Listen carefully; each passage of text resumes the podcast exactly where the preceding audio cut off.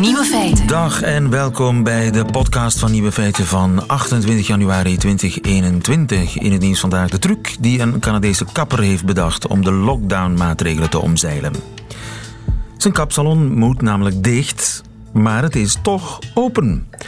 Want officieel is het geen kapsalon meer, maar een filmstudio. Film- en televisieproducties mogen namelijk wel blijven doorgaan, ook in Canada. En dus staat het kapsalon vol studiolampen, camera's, microfoons en doen de klanten zogezegd een auditie voor een rol.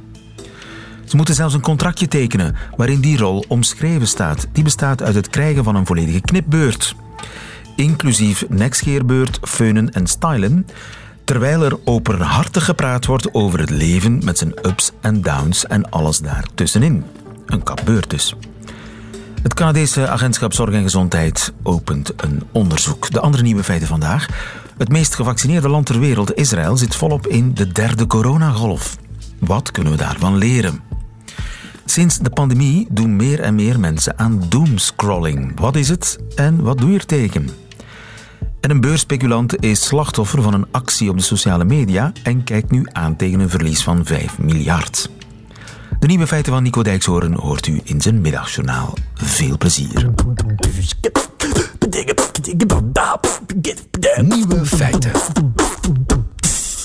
Er is geen land ter wereld dat zo snel vaccineert als uh, Israël. En toch wordt datzelfde land op dit ogenblik overspoeld door een derde coronagolf. De zwaarste tot nu toe. Ankie Regis in Tel Aviv, goedemiddag. Goedemiddag. Ja, het uh, zag er inderdaad heel veelbelovend uit. Israël vaccineerde in een sneltreinvaart een bevolking van ruim 9 miljoen mensen.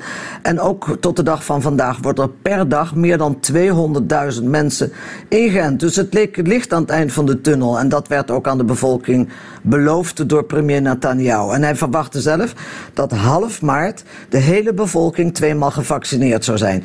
Met andere woorden, einde corona. Maar ja, de besmettingscijfers gaan maar niet omlaag. Integendeel. Ondanks dus een, echt ook een hele strenge lockdown waar we al in zitten, al meer dan vier weken lang.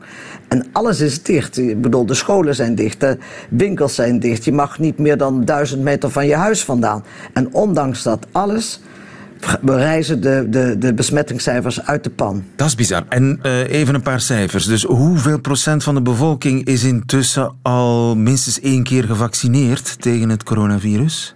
60 procent van de bevolking. 60 procent van de bevolking is gevaccineerd? Ja, ja. ja. En Kijk, toch een golf? En toch weer een golf, ondanks, en zelfs ook in de lockdown. En dit is de derde lockdown waar we in zitten. Dus uh, iedereen die, die gaat zoeken naar, naar de reden daarvoor. Want er werd verwacht, en daarvoor hadden de mensen waar het ermee eens dat ze in de lockdown zouden gaan. Want ze dachten, nou ja, met al deze vaccinaties en met ook natuurlijk groepsimmuniteit uiteindelijk. En dan met de lockdown, nou dan moet het goed gaan, maar het gaat helemaal niet goed. En liggen de ziekenhuizen dan weer vol? De ziekenhuizen liggen overvol en ze maken maar steeds nieuwe coronadepartementen open, omdat ze, de, ze kunnen het gewoon niet aan. Met ook met de zware ziekte. Kijk, er zijn in Israël al 4500 mensen die gestorven zijn aan, aan corona. En dat, daarvan zijn dus de uh, 25% daarvan uh, is in de afgelopen maand gebeurd terwijl we in de lockdown zaten. Heb jij een verklaring hiervoor? Dit is toch echt een mysterie? Dat is het ook. Maar de, wat de experts hier zeiden, zijn er twee redenen voor, voor deze enorme besmettingstoename. En dat zijn voornamelijk dus de mutaties, de varianten van het coronavirus. Dus het eh, Britse variant, Zuid-Afrikaanse eh, variant, de Braziliaanse enzovoort enzovoort. En die richten enorme besmettingen aan en ook veel en veel sneller. En ja, die doorbreken gewoon de meest pessimistische voorspellingen. Maar die besmetten toch niet de mensen die al gevaccineerd zijn?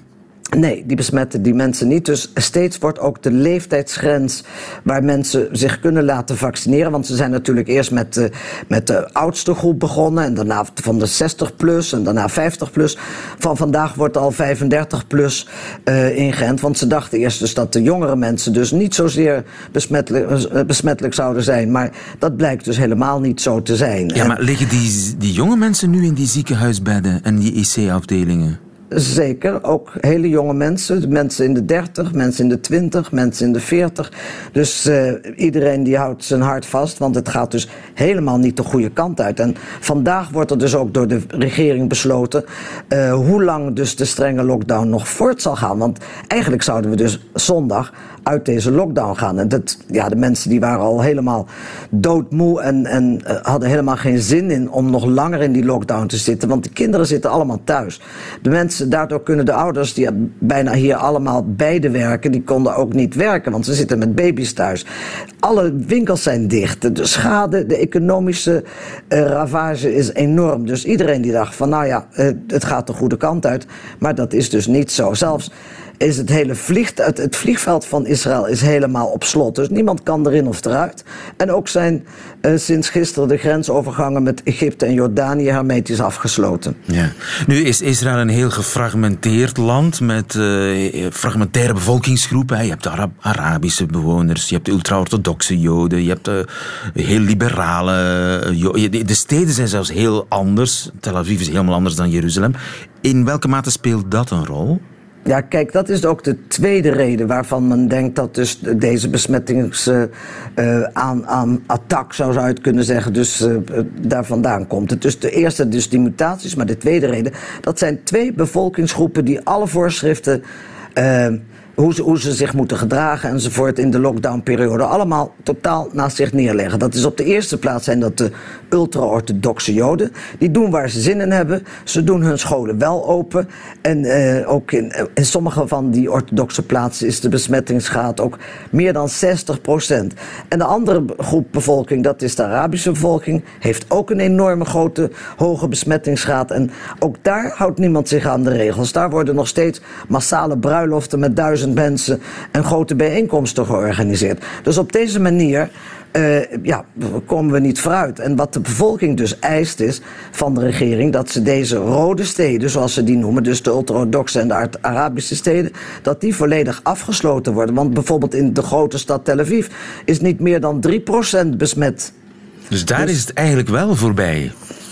Daar is het voorbij, maar ze kunnen dus niks doen omdat ze dus in een nationale lockdown zitten. Dus die mensen die zeggen, wij willen gewoon de winkels open, wij willen onze kinderen naar school sturen.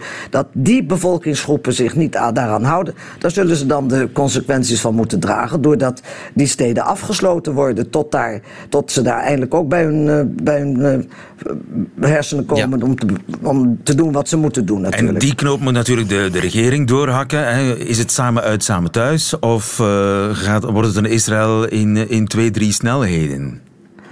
Nou, weet je, het, het ligt ook heel erg aan de komende verkiezingen. In Israël zijn op 23 maart verkiezingen. Netanyahu die heeft de orthodoxe partijen heeft hij hard nodig om weer een keertje te proberen om minister-president te worden. Dus maatregelen, harde maatregelen tegen de ultra-orthodoxen, zoals de rest van het volk dat eist, daar gaat hij dus niet op in. Dus je kan wel zeggen dat veel van de maatregelen hier totaal politiek geïnspireerd zijn en de mensen hier zijn het beu. Helder, dankjewel. Ankie Reges in Tel Aviv. Goedemiddag. Nieuwe feiten. 60% al gevaccineerd in Israël. En toch een serieuze derde golf. Uh, Steven Callens, goedemiddag. Goedemiddag. U bent uh, infectioloog aan het uh, UZ in Gent en heeft onze vrouw in Tel Aviv, Ankie Reges, zo pas gehoord. Dat was weinig opbeurend, hè? Het is um, weinig opbeurend, inderdaad. En ja, er zijn wel een aantal redenen waarom dat men in die derde golf gerold is, jammer genoeg. Hè? Nu, Kunnen we daar iets van leren? Moeten wij daar iets van opsteken van wat Israël vandaag meemaakt? Een land waar al 60% een vaccin heeft gekregen en toch in een uh, serieuze derde golf zit. Uh, ja, absoluut. Hè. Dus uh, ik wou net zeggen, 60% is eigenlijk nog onvoldoende om die groepsimmuniteit uh, te hebben. En daar profiteert het virus dan ook wel nog van om te kunnen circuleren.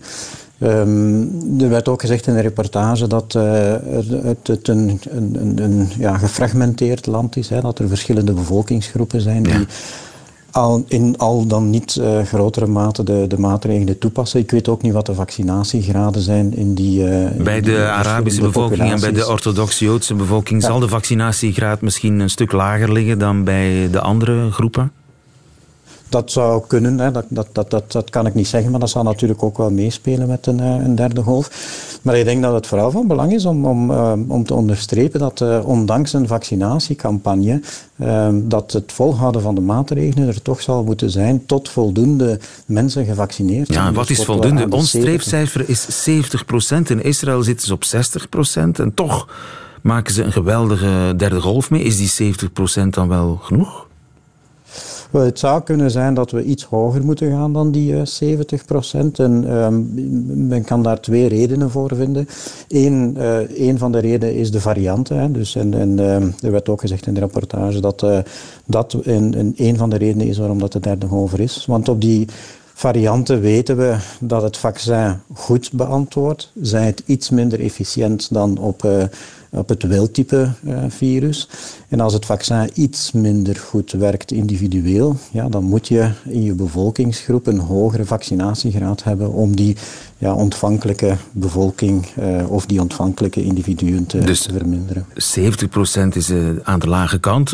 Moeten we dan naar 80%, 85, 90%? Wel, het hangt ook nog af van een, eh, een andere reden. En dat is uh, ja, welke immuunrespons dat het virus uh, uitlokt bij de mensen. En dus de studies zijn gebeurd, hoofdzakelijk bij jongere populatie. Daarmee bedoel ik dan hè, 65 min. De vaccinstudies bedoelt u? De vaccinstudies, inderdaad. En er zaten wel wat uh, oudere mensen in de, de vaccinatiestudies, maar daar zijn de gegevens iets minder uh, robuust. Vandaar ook de discussie rond de AstraZeneca-vaccin en de 8% efficiëntie bij 65 plus, wat ik denk niet klopt. Dat is een verkeerd cijfer dat de wereld in, ingestuurd is. Maar over het algemeen weten we wel dat de vaccins iets minder goed werken op uh, oudere leeftijd. Iets minder goed um, op oudere leeftijd en ook iets minder goed op die nieuwe varianten. Dus ons streefcijfer van 70%, dat moet naar omhoog. Kunt u daar een cijfer op plakken?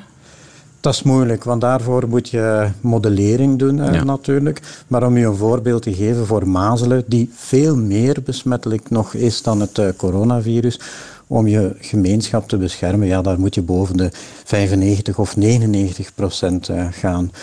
Ik schat, ja, het is, is een, een uh, ruwe schatting, maar ik denk dat we inderdaad wel boven de 80, hè, misschien zelfs liever naar de 90 procent uh, uh, herd immunity, groepsimmuniteit, zouden moeten gaan om, om volledige bescherming te hebben dan.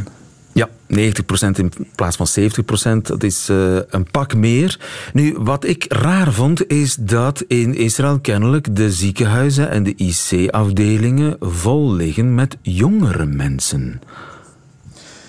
Ja, en dat zien we hier ook een klein beetje gebeuren. Als we kijken naar de cijfers van Cienzano, dan zie je bijvoorbeeld dat die 80 plus uh, minder opgenomen worden op uh, dit ogenblik. En vooral in de jongere leeftijdsgroep, tot 20-jarigen, er meer opnames zijn. En ja, men, men, ziet die leeftijd wat uh, gaan, gaan verschillen. Dat kan zijn dat dat een, een, een vaccinatie-effect is. Dat durf ik niet met zekerheid uh, te, te, zeggen. Maar uh, de woonzorgcentra zijn natuurlijk wel uh, beschermd. En het aantal uitbraken in de woonzorgcentra in Vlaanderen is naar beneden gegaan deze, deze week.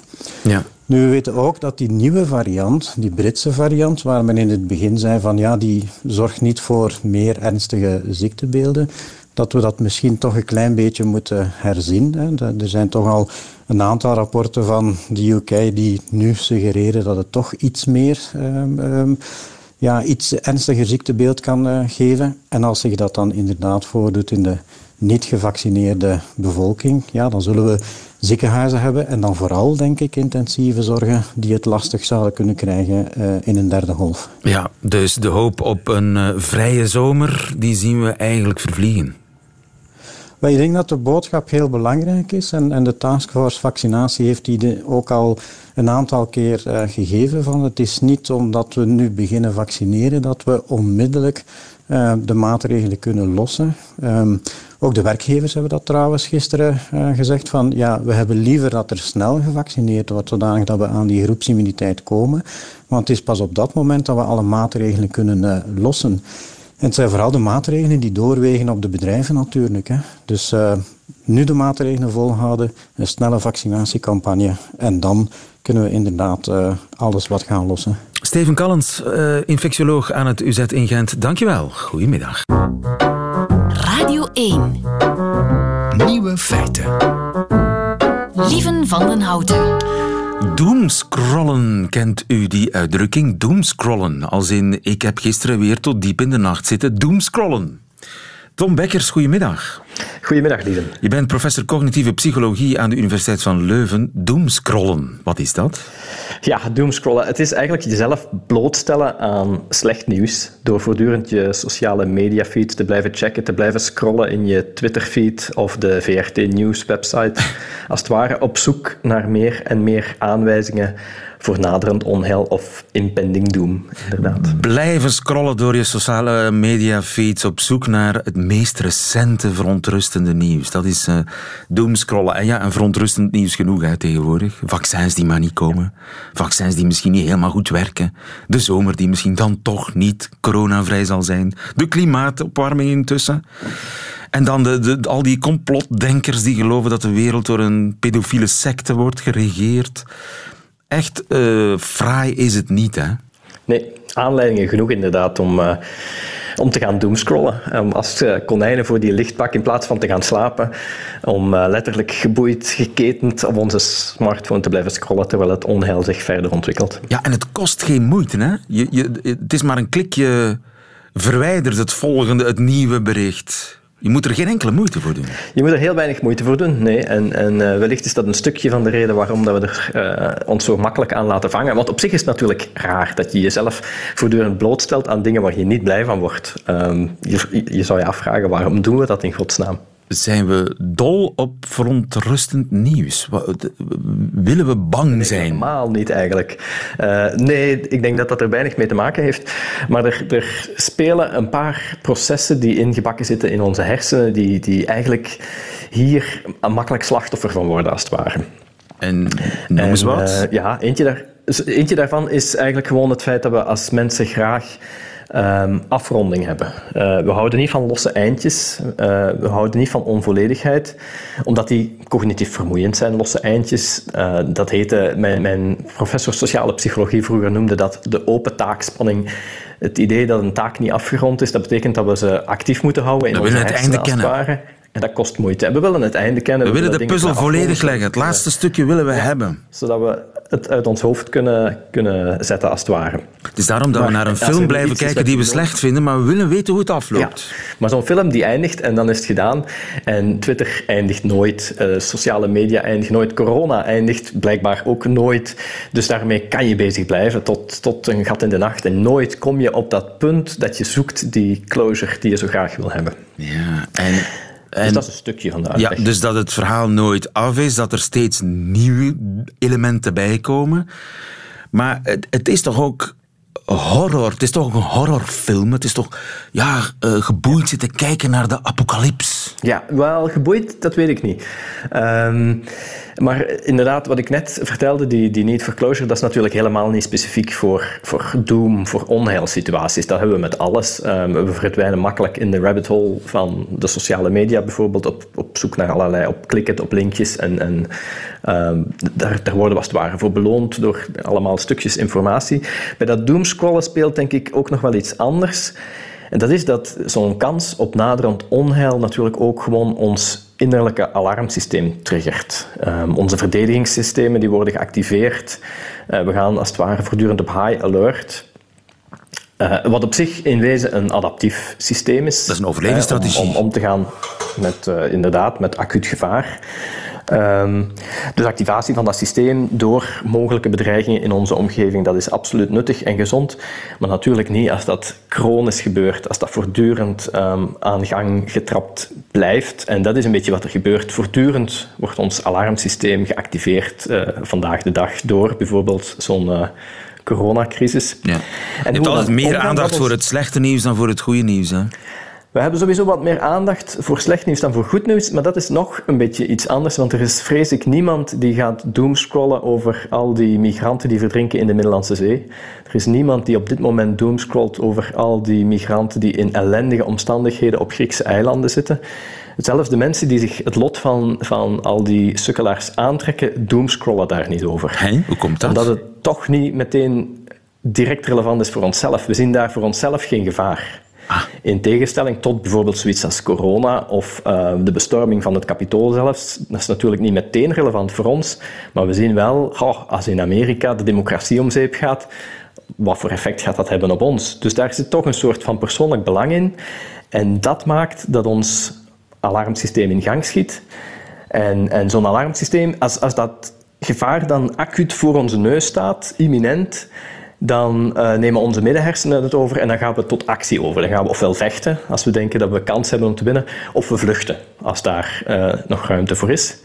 Maar als het gaat over abstracte bedreigingen, bedreigingen die wat verder af zijn, maar toch potentieel relevant voor ons, dan, dan, gaat, uh, dan gaan onze hogere corticale gebieden vooral ons ehm, defensiesysteem aansturen en dan gaan we in eerste instantie vooral op zoek naar informatie. Dan willen we zoveel mogelijk weten om voorbereid te zijn als die bedreiging dichterbij komt, of om te kunnen vermijden dat die bedreiging dichterbij komt. Dus dat is een heel natuurlijk reflex om dan zoveel mogelijk informatie te gaan zoeken. Ja, en het bijkomende probleem is natuurlijk, we doen het s'avonds in bed vaak. Hmm, ja, dat, dat helpt natuurlijk niet voor de nachtrust. Want het feit dat we die informatie voortdurend gaan zoeken, dat vuurt ook weer ons uh, alarmsysteem aan. Want we zien voortdurend dan onheilsberichten die, die ons uh, alert houden.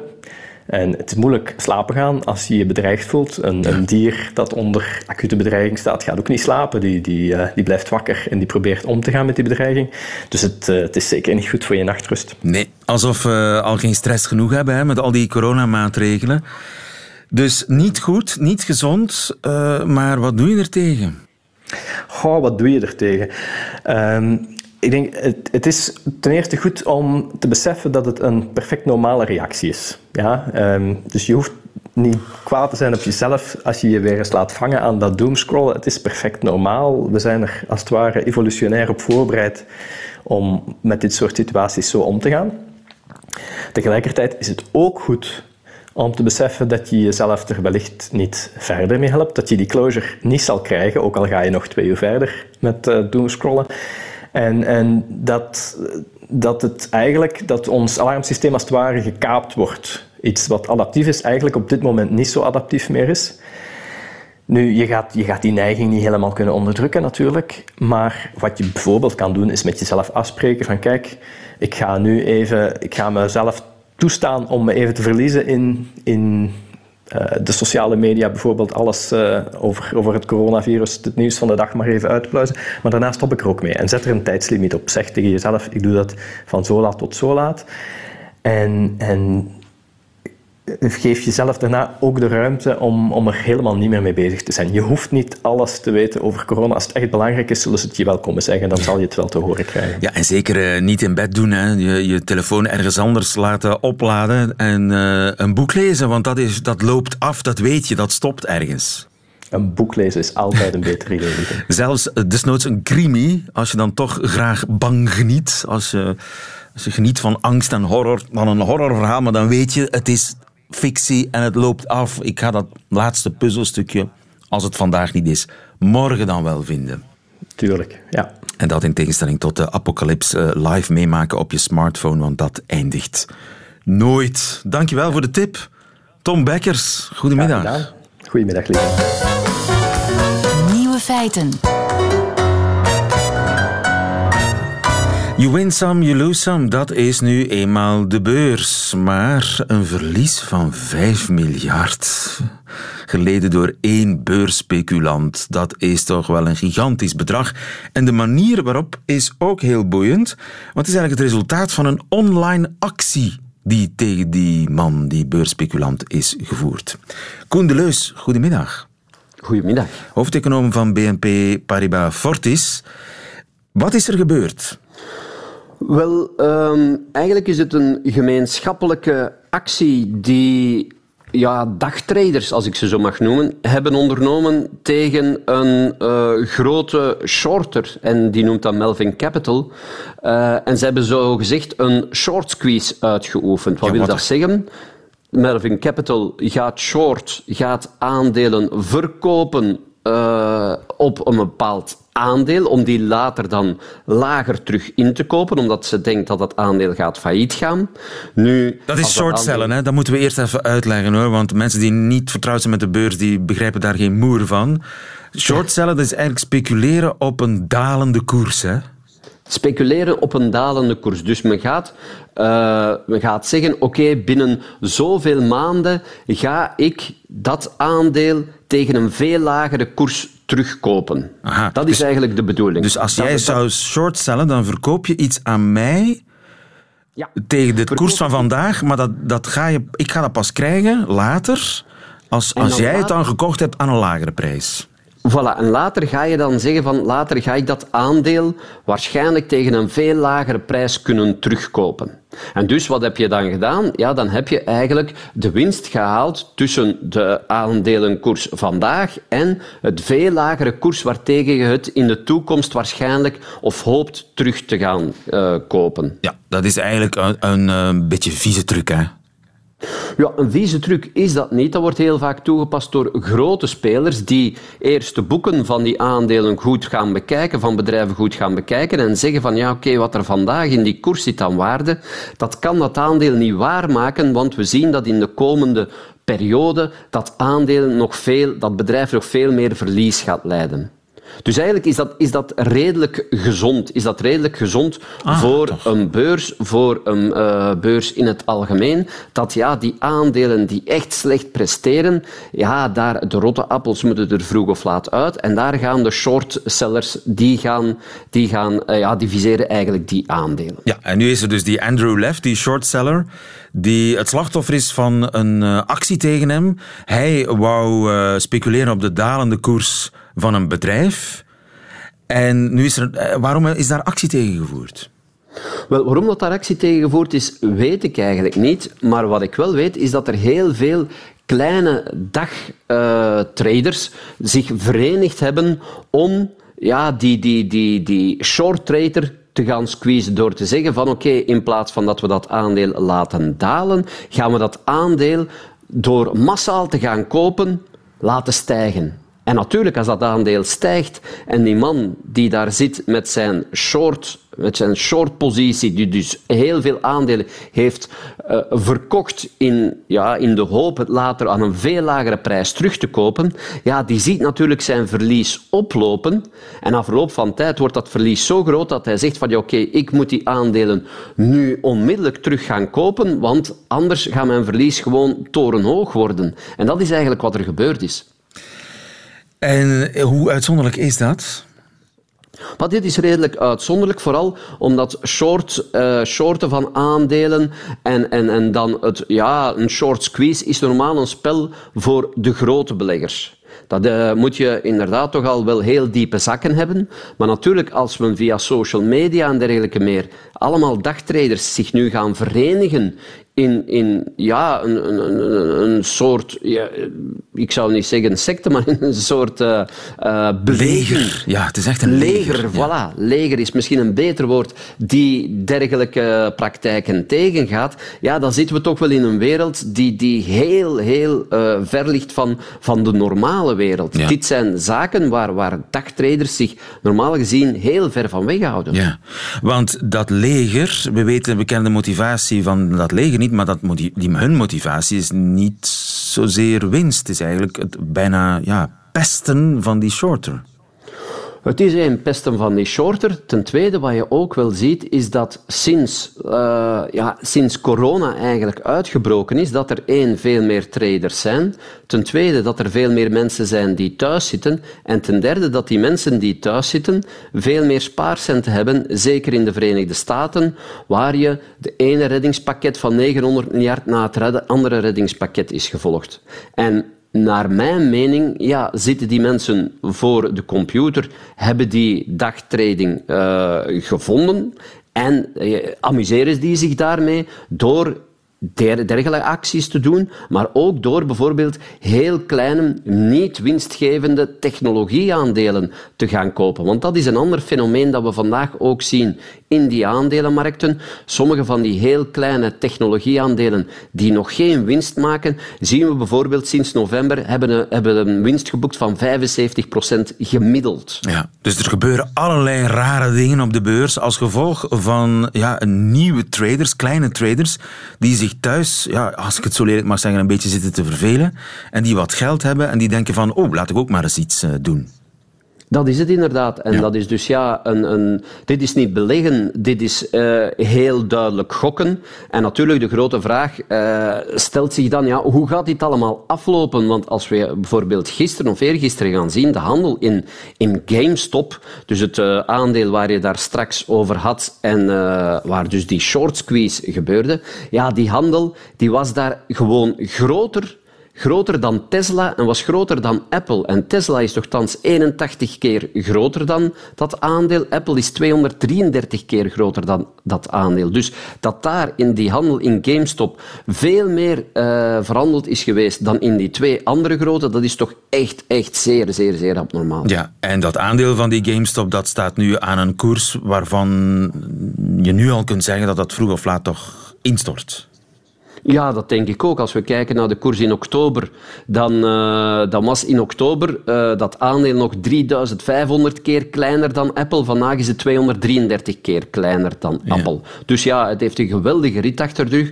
En vroeg of laat ja, moet dat in tranen eindigen. En dus al die kleine beleggers die hitsen elkaar op met allerlei uh, hele reële gevolgen. Is dat nu gevaarlijk voor die beurs? Wel, voor de beurs als geheel Denk ik voorlopig niet. Het is zo dat, dat deze praktijken en die dagtraders zich vooral richten op zeer kleine aandelen. Dus zolang dat het op die kleine aandelen blijft, ja, uh, denk ik dat de schade, eenmaal dat de correctie en de onvermijdelijke correctie komt, dat het wel uh, de schade beperkt zal zijn. Econoom Hein Herbstein heeft ooit gezegd, als iets niet oneindig kan doorgaan, moet het stoppen. Dus dit gaat ook stoppen. Maar natuurlijk, wanneer gaat dit gebeuren? Volgens mij wanneer dat heel de economie langzaam normaliseert, mensen terug buiten gaan, terug op restaurant gaan, een goed glasje wijn drinken en daar hun geld gaan kunnen uitgeven in plaats van door te gaan dagtreden, dan denk ik wel dat uh, ja, vroeg of laat de wijsheid, dat ze die wijsheid misschien in de fles gaan zien en, en, en dat het speculeren gaat stoppen. Ja, vroeg of laat keren we terug naar het oude normaal. Laten we het hopen. Koen de Leus, dankjewel. Goedemiddag. Graag gedaan. Feiten. Dat waren ze, de nieuwe feiten van 28 januari alweer 2021. Behalve die van Nico Dijkshoorn. Die krijgt u in zijn middagjournaal. Nieuwe feiten. Middagjournaal. Beste luisteraars. In Nederland is het vandaag gedichtendag. En dat zegt niet veel. Want iedere dag is het hier wel een dag van iets anders. Morgen is het bijvoorbeeld Roemeense auberginedag. Zaterdag en zondag. Dan hebben we het weekend van de vergeten truien die je ergens achter in je kast terugvindt. En er begint maandag alweer de week van de vergeten artiesten. Maar toch, de gedichtendag. Ik weet wat dat betekent. Op social media het wemelen van rijmende kinderversjes. Het woord verdriet zal vandaag honderden keren gaan rijmen op verliet. En het woord geluk zal steeds weer rijmen op stuk. Ik ben geen groot liefhebber van rijmende gedichten. De ergste versie vind ik de limerick. Als ik in het gezelschap verkeer van iemand die zegt: Er was eens een buurman in Vlimmen, dan doe ik mijn jas aan en ik verlaat het huis. Toch is er één Rijmond gedicht waar ik heel erg dol op ben. Het is van de dichter Jacob Slauerhof. Ik geloof dat het een gedicht is dat door heel veel boze 18-jarigen ooit uit het hoofd is geleerd. Het is ook een van de weinige gedichten die ik zelf uit het hoofd heb geleerd ooit. Ik ken nu alleen nog maar een paar gedichten van Kees Budding uit mijn hoofd. Eén daarvan, die heet Zeer vrij naar het Chinees. En dat gedicht gaat als volgt. De zon komt op, de zon gaat onder. Langzaam telt de oude boer zijn kloten. Maar dat gedicht van Slauerhof, dat heb ik woedend opgezegd. In mijn bed, dat wel. Ik was te laf om met mensen recht in hun gezicht te spugen. Datzelfde gedicht is opeens, door de rellen, de pandemie en de golf van domheid die nu door ons land stroomt, weer heel actueel. Ik heb net geprobeerd wat ik er nog van weet. En dit zijn de stukken die ik uit mijn hoofd ken. Dit zijn de eerste vier regels van het gedicht. In Nederland wil ik niet leven. Men moet er steeds zijn lusten reven ter wille van de goede buren die gretig door elk gaatje gluren. En dit, dit zijn de laatste regels van het gedicht. In Nederland wil ik niet blijven. Ik zou dichtgroeien en verstijven. Het gaat mij daar te kalm, te deftig. Men spreekt er langzaam, wordt nooit heftig. En dans nooit op het slappe koord, wel worden weerlozen gekweld. Nooit wordt zo'n plompe boerenkop gesneld. En nooit, nee nooit, gebeurt er een mooie passiemoord. En luisteraars, toch zit ik hier nog, in Nederland. Slauerhof was dapperder. Hij schreef dit gedicht op volle zee, aan de andere kant van de wereld.